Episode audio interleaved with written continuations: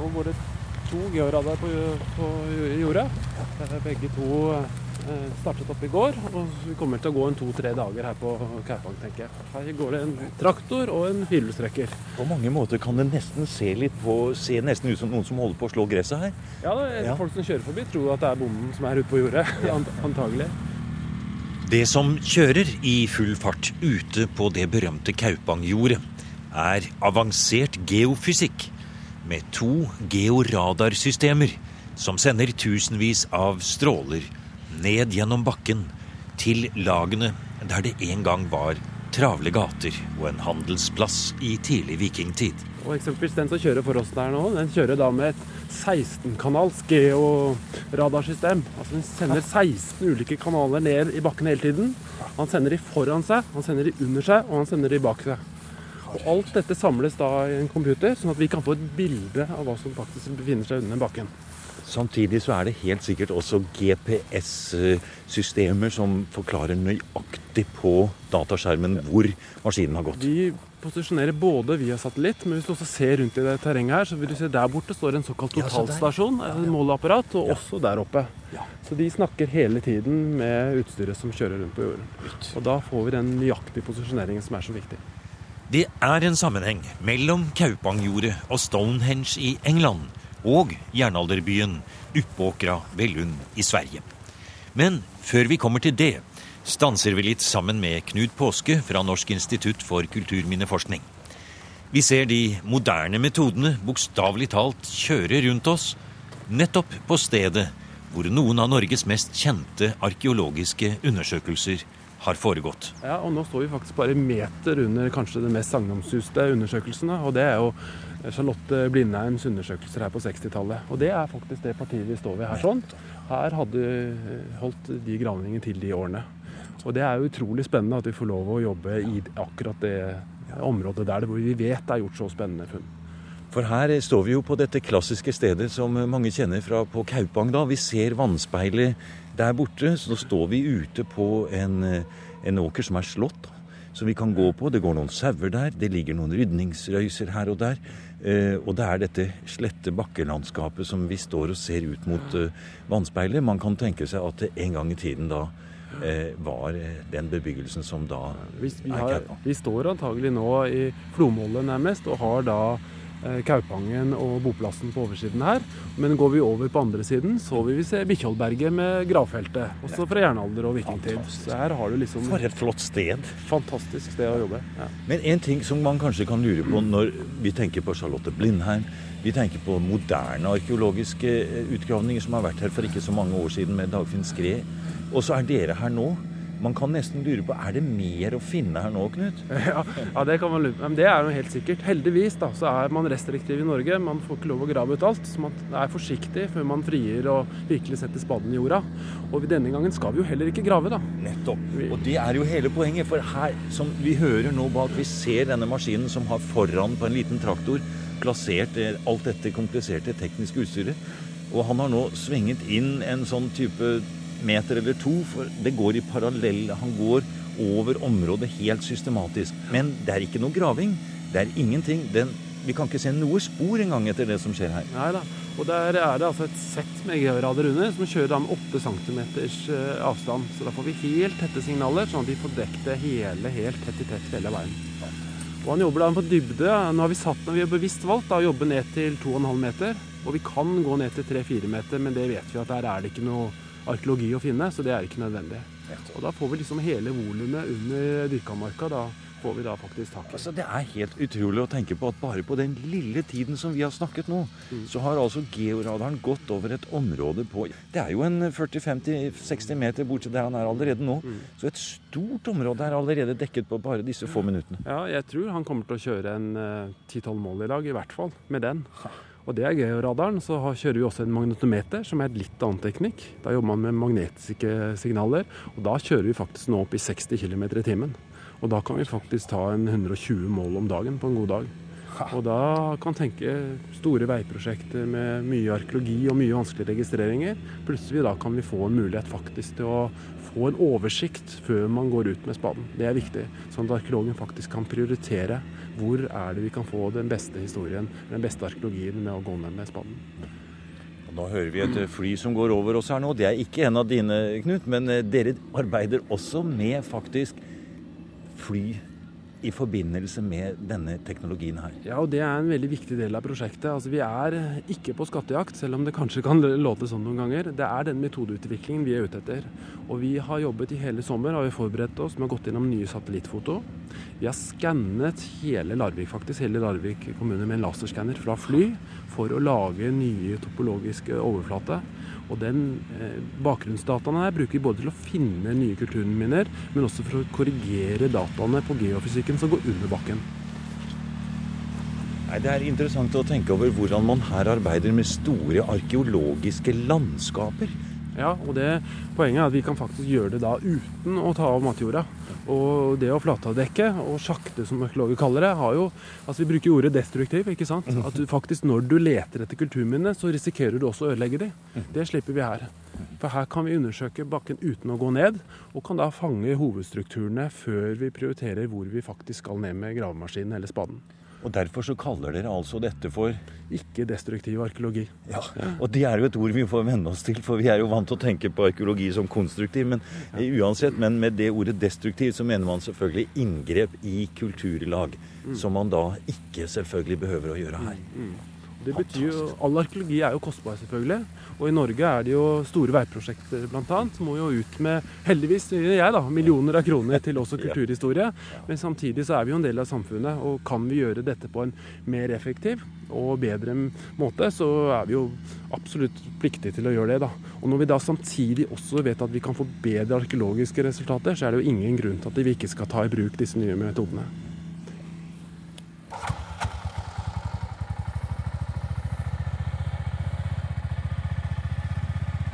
Name is Erich Nau. Uh, I'm from Vienna and I'm working there for the Ludwig Boltzmann Institute for Archaeological Prospection and Virtual Archaeology. Ludvig Boltzmann-instituttet i Wien er en anerkjent internasjonal forskningsstiftelse som gir støtte til banebrytende europeisk forskning, særlig innenfor områder som fysikk, medisin og naturvitenskap.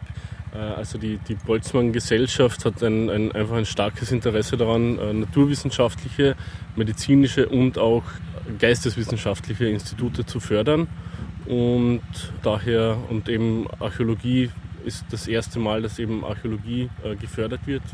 Det er første gang Ludvig Boltzmann-instituttet gir støtte til et arkeologisk prosjekt. Gjennom et stort internasjonalt samarbeid skal man utvikle og teste nye målemetoder for det som kalles virtuell arkeologi. Og det er morsomt, sier Knut Påske, som er NIKUs prosjektleder, at norsk kompetanse på denne måten er med helt oppe i den europeiske forskningsfronten. Altså, vi har jo fått en ramme på Vi er oppe i over 50 millioner kroner totalt på dette prosjektet, som skal gå i første omgang fem år og utvidelse til syv år. Hovedsetet er i Wien. Eh, Der er det Arkeologisk museum i Wien som har ledelsen av hovedprosjektet. Men så er det fire andre land med. Og det er eh, Tyskland, det er England, det er Sverige og det er Norge. Og her er, I Norge er det NIKU som er hovedsamarbeidspartneren. I Sverige er det Riksantikvarieembetet. Så er det Deutsches Generalmuseum in Mainz. Og så er det eh, Birmingham universitet i England. Sammen med da denne østerrikske gruppen. Og Poenget er å samle de beste kreftene fra alle disse landene, og her har vi liksom spesialisten på alle felt. The system I'm working with is a so-called Spider Network GPR, a network ground penetrating radar. Um, it's pulled by an all-terrain vehicle, a quad bike, and the system consists of six uh, 500 megahertz antennas, and we pull it behind us with a mounted on a on a small trailer. Um, we control the whole system via this tough book. Um, Erik Noy er bare én av en rekke teknikere og arkeologer som akkurat nå arbeider i Vestfold, etter at man tidligere har undersøkt store områder, både ved Stonehenge i England og jordene som dekker jernalderbyen ved Uppåkra i Sverige. I årene som kommer skal man kombinere en rekke målemetoder som flyskanning, lasermåling, georadar og ikke minst utvikle nye dataprogrammer som greier å analysere alle disse datakildene. Og én ting er den tekniske siden, sier prosjektkoordinator Anitra Fossum fra Vestfold fylkeskommune. Dette kan fort gi en stor gevinst i de helt praktiske arbeidsoppgavene arkeologene møter hver eneste dag. For oss i eh, fylkeskommunen så er jo dette her fremtiden. Nå når vi skal eh, sjekke ut eh, områder hvor man kanskje skal sette opp et nytt boligfelt, bygge en vei, føre fram en jernbanelinje, så ser folk oss ute med gravemaskinen. Vi lager disse stripene som folk ser på jordene. Vi graver enkle spadestikk i skogen for å se etter steinalderboplasser og sånt. Nå med disse nye metodene, disse høyteknologiske metodene, så har vi mulighet for oss å sjekke ut store arealer på kort tid. Så når kommunene i Vestfold eh, kanskje har lyst til å bygge ut eh, tolv forskjellige steder i landskapene sine i løpet av de neste 20 årene, så kan vi forhåpentligvis da, om ikke så altfor lenge, sjekke ut alle disse ganske raskt. Mm. Det kan vi ikke nå, så mm, da kan vi om noen år så håper vi å kunne få lagt alle kulturminnekortene på bordet mm. raskt mm. når kommuner og grunneiere vil eh, bruke arealene sine. Og så er det jo også en annen ting. Det er jo det at det har vært så mange gravhauger fra både jernalder og tidlig vikingtid, og kanskje også gjennom vikingtid, som er blitt borte.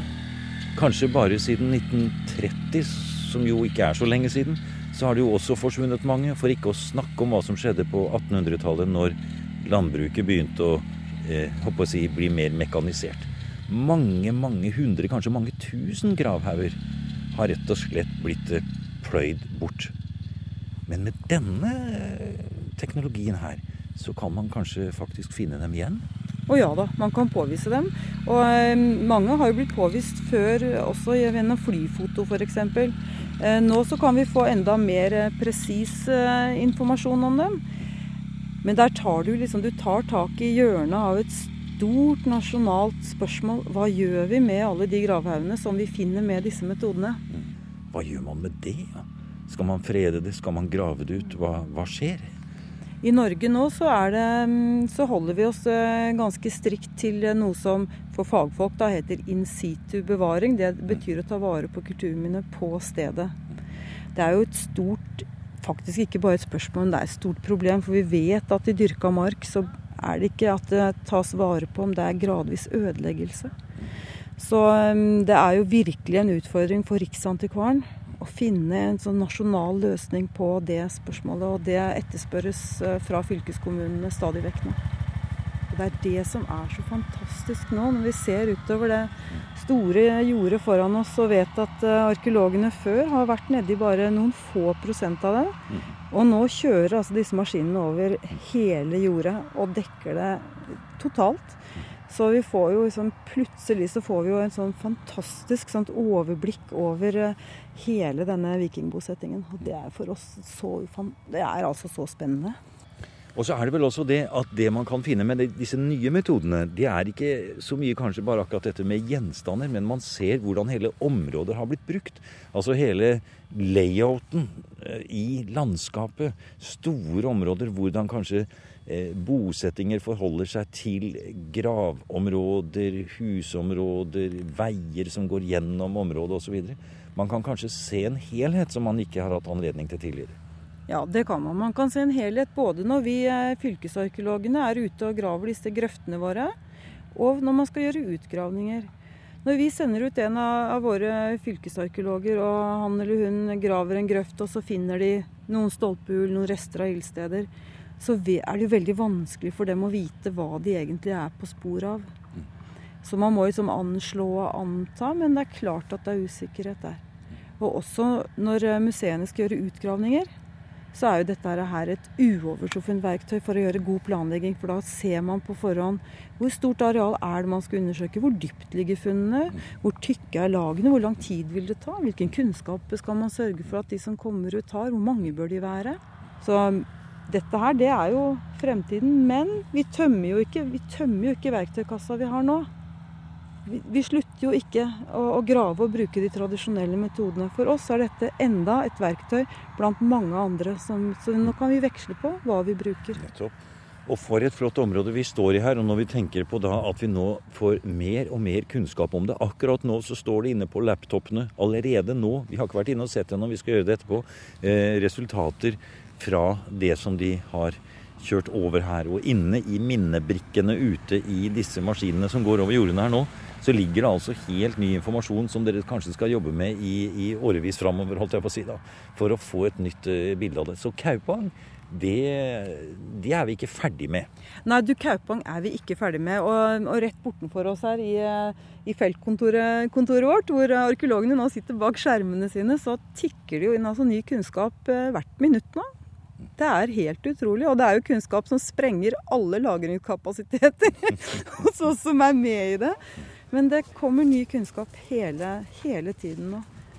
Så her eh, er det bare å følge med i tiden som kommer. altså. Vi blir med Anitra Fossum fra Vestfold fylkeskommune bort til utkanten av Kaupangjordet for å kikke inn i feltkontoret. Nå skal vi gå inn til teknoarkeologene. Her står det røde signaler, røde vesker, vester, og så går vi inn i en kopi av et vikinghus. Ja, her er det ingen spader og ikke noe jord. Inne i vikinghuset står laptopene linet opp langs høysetebenken. Det er modem og konvertere, og ikke minst to konsentrerte teknoarkeologer, som er det nye ordet for dem som er mer opptatt av software og programmering enn funnposer og kulturlag. Her sitter to av dem, Lars Gustavsen fra NIKU og Immo Trinks fra LBI i Wien. Vi kan titte her på eh, Det er en såkalt eh, geografisk informasjonssystem, den mjukvara vi jobber med her. -hmm. Og da lader vi inn bakgrunnskartmateriale, -hmm. så vi ser hva vi er. Nå klikker du inn flere og flere lag faktisk her. Som jeg ser, du, du, kommer opp nå på kartet. Hver gang du klikker på en meny her nå, så kommer det inn nye nye Vi kaller dette for georadar dypskiver. Mm. Uh, hver dypskive viser strukturer mm. fra uh, ulike dypnivåer. Vi genererer fem centimeter tjukke skiver når vi anvender georadar. Og georadar funker liksom en ekkolod for anvendning på land.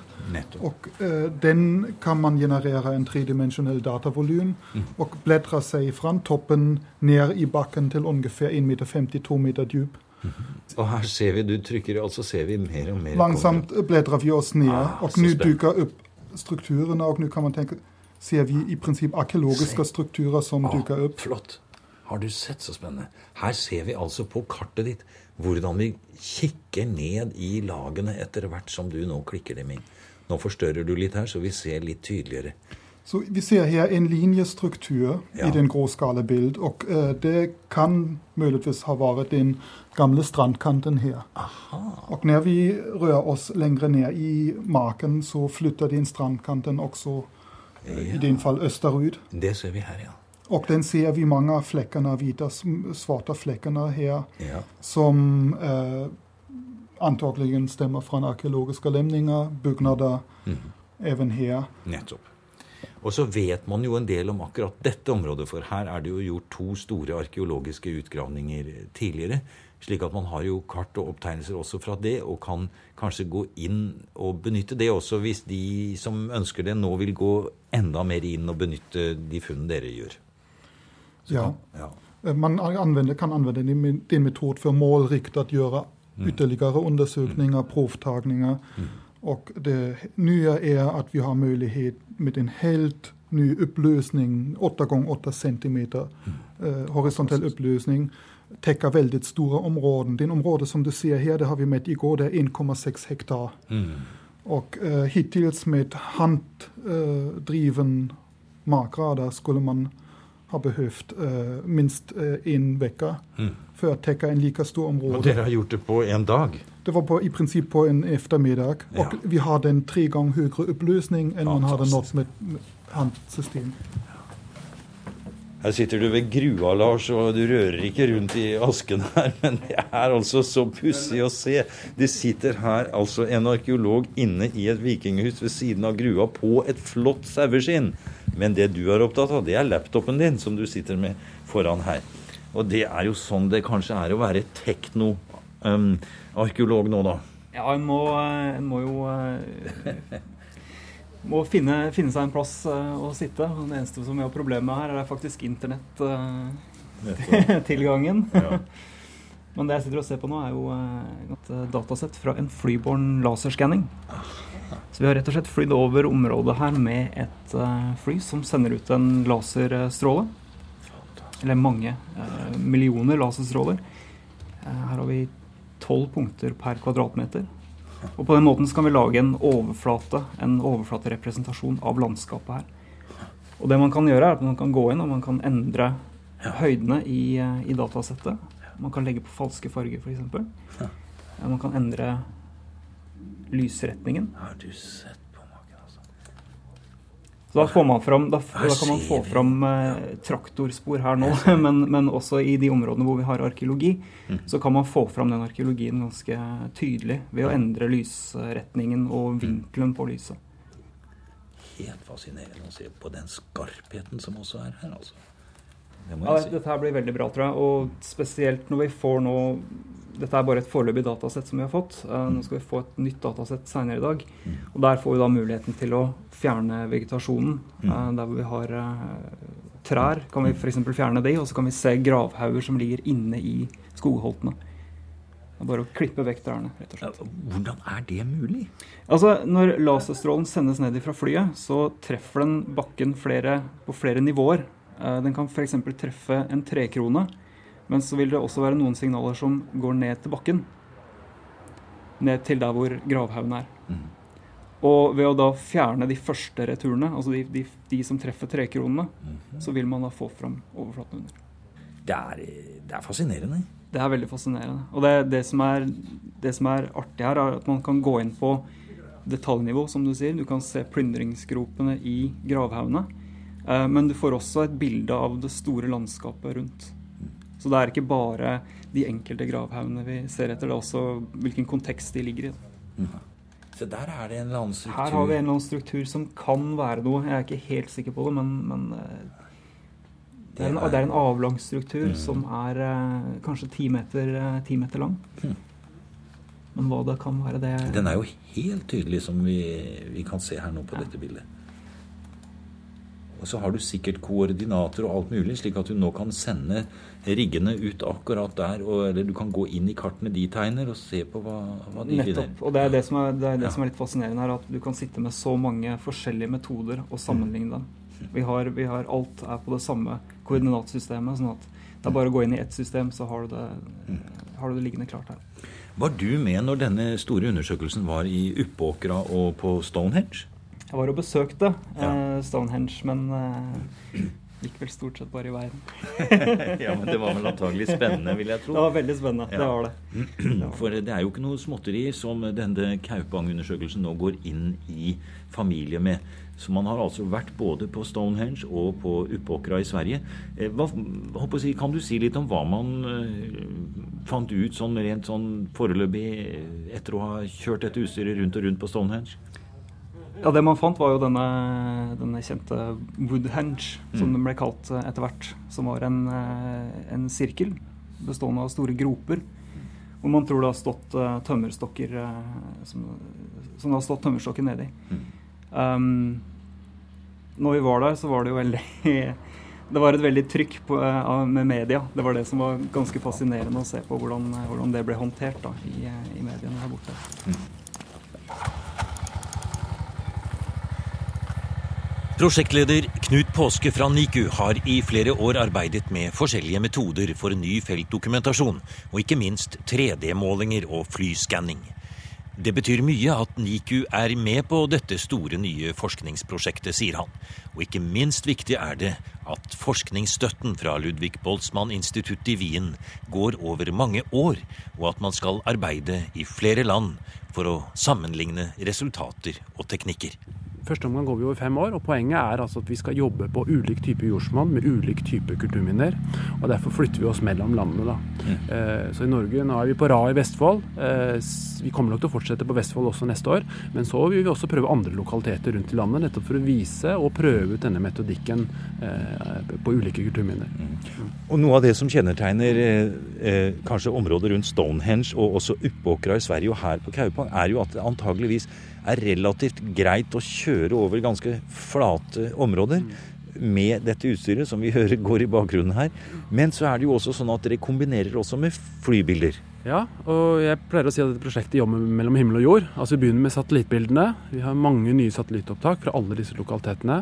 Vi jobber med vanlig flyfotografering, som jo er en etablert eh, teknikk innen arkeologien. Men vi driver også med flyskanning. Altså vi laserskanner med fly, sånn at vi lager en ny topologi hvor vi både kan få kartlagt overflaten på landskapet, men faktisk også ta bort skogen. Altså vi ser igjennom skogen og får fram bakken under, og finner dermed nye kulturminner i dette landskapet.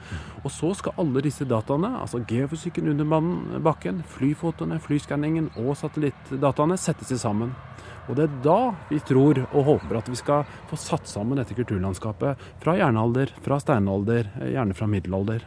Sånn at vi ikke går etter enkeltlokaliteter, men faktisk kan få hele det kulturhistoriske landskapet fram i dagen.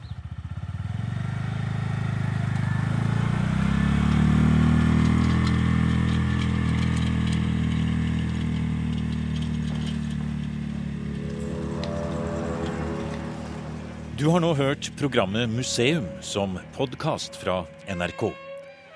Museum sendes i NRK P2 på lørdager og søndager. Du finner flere programmer på nrk.no podkast.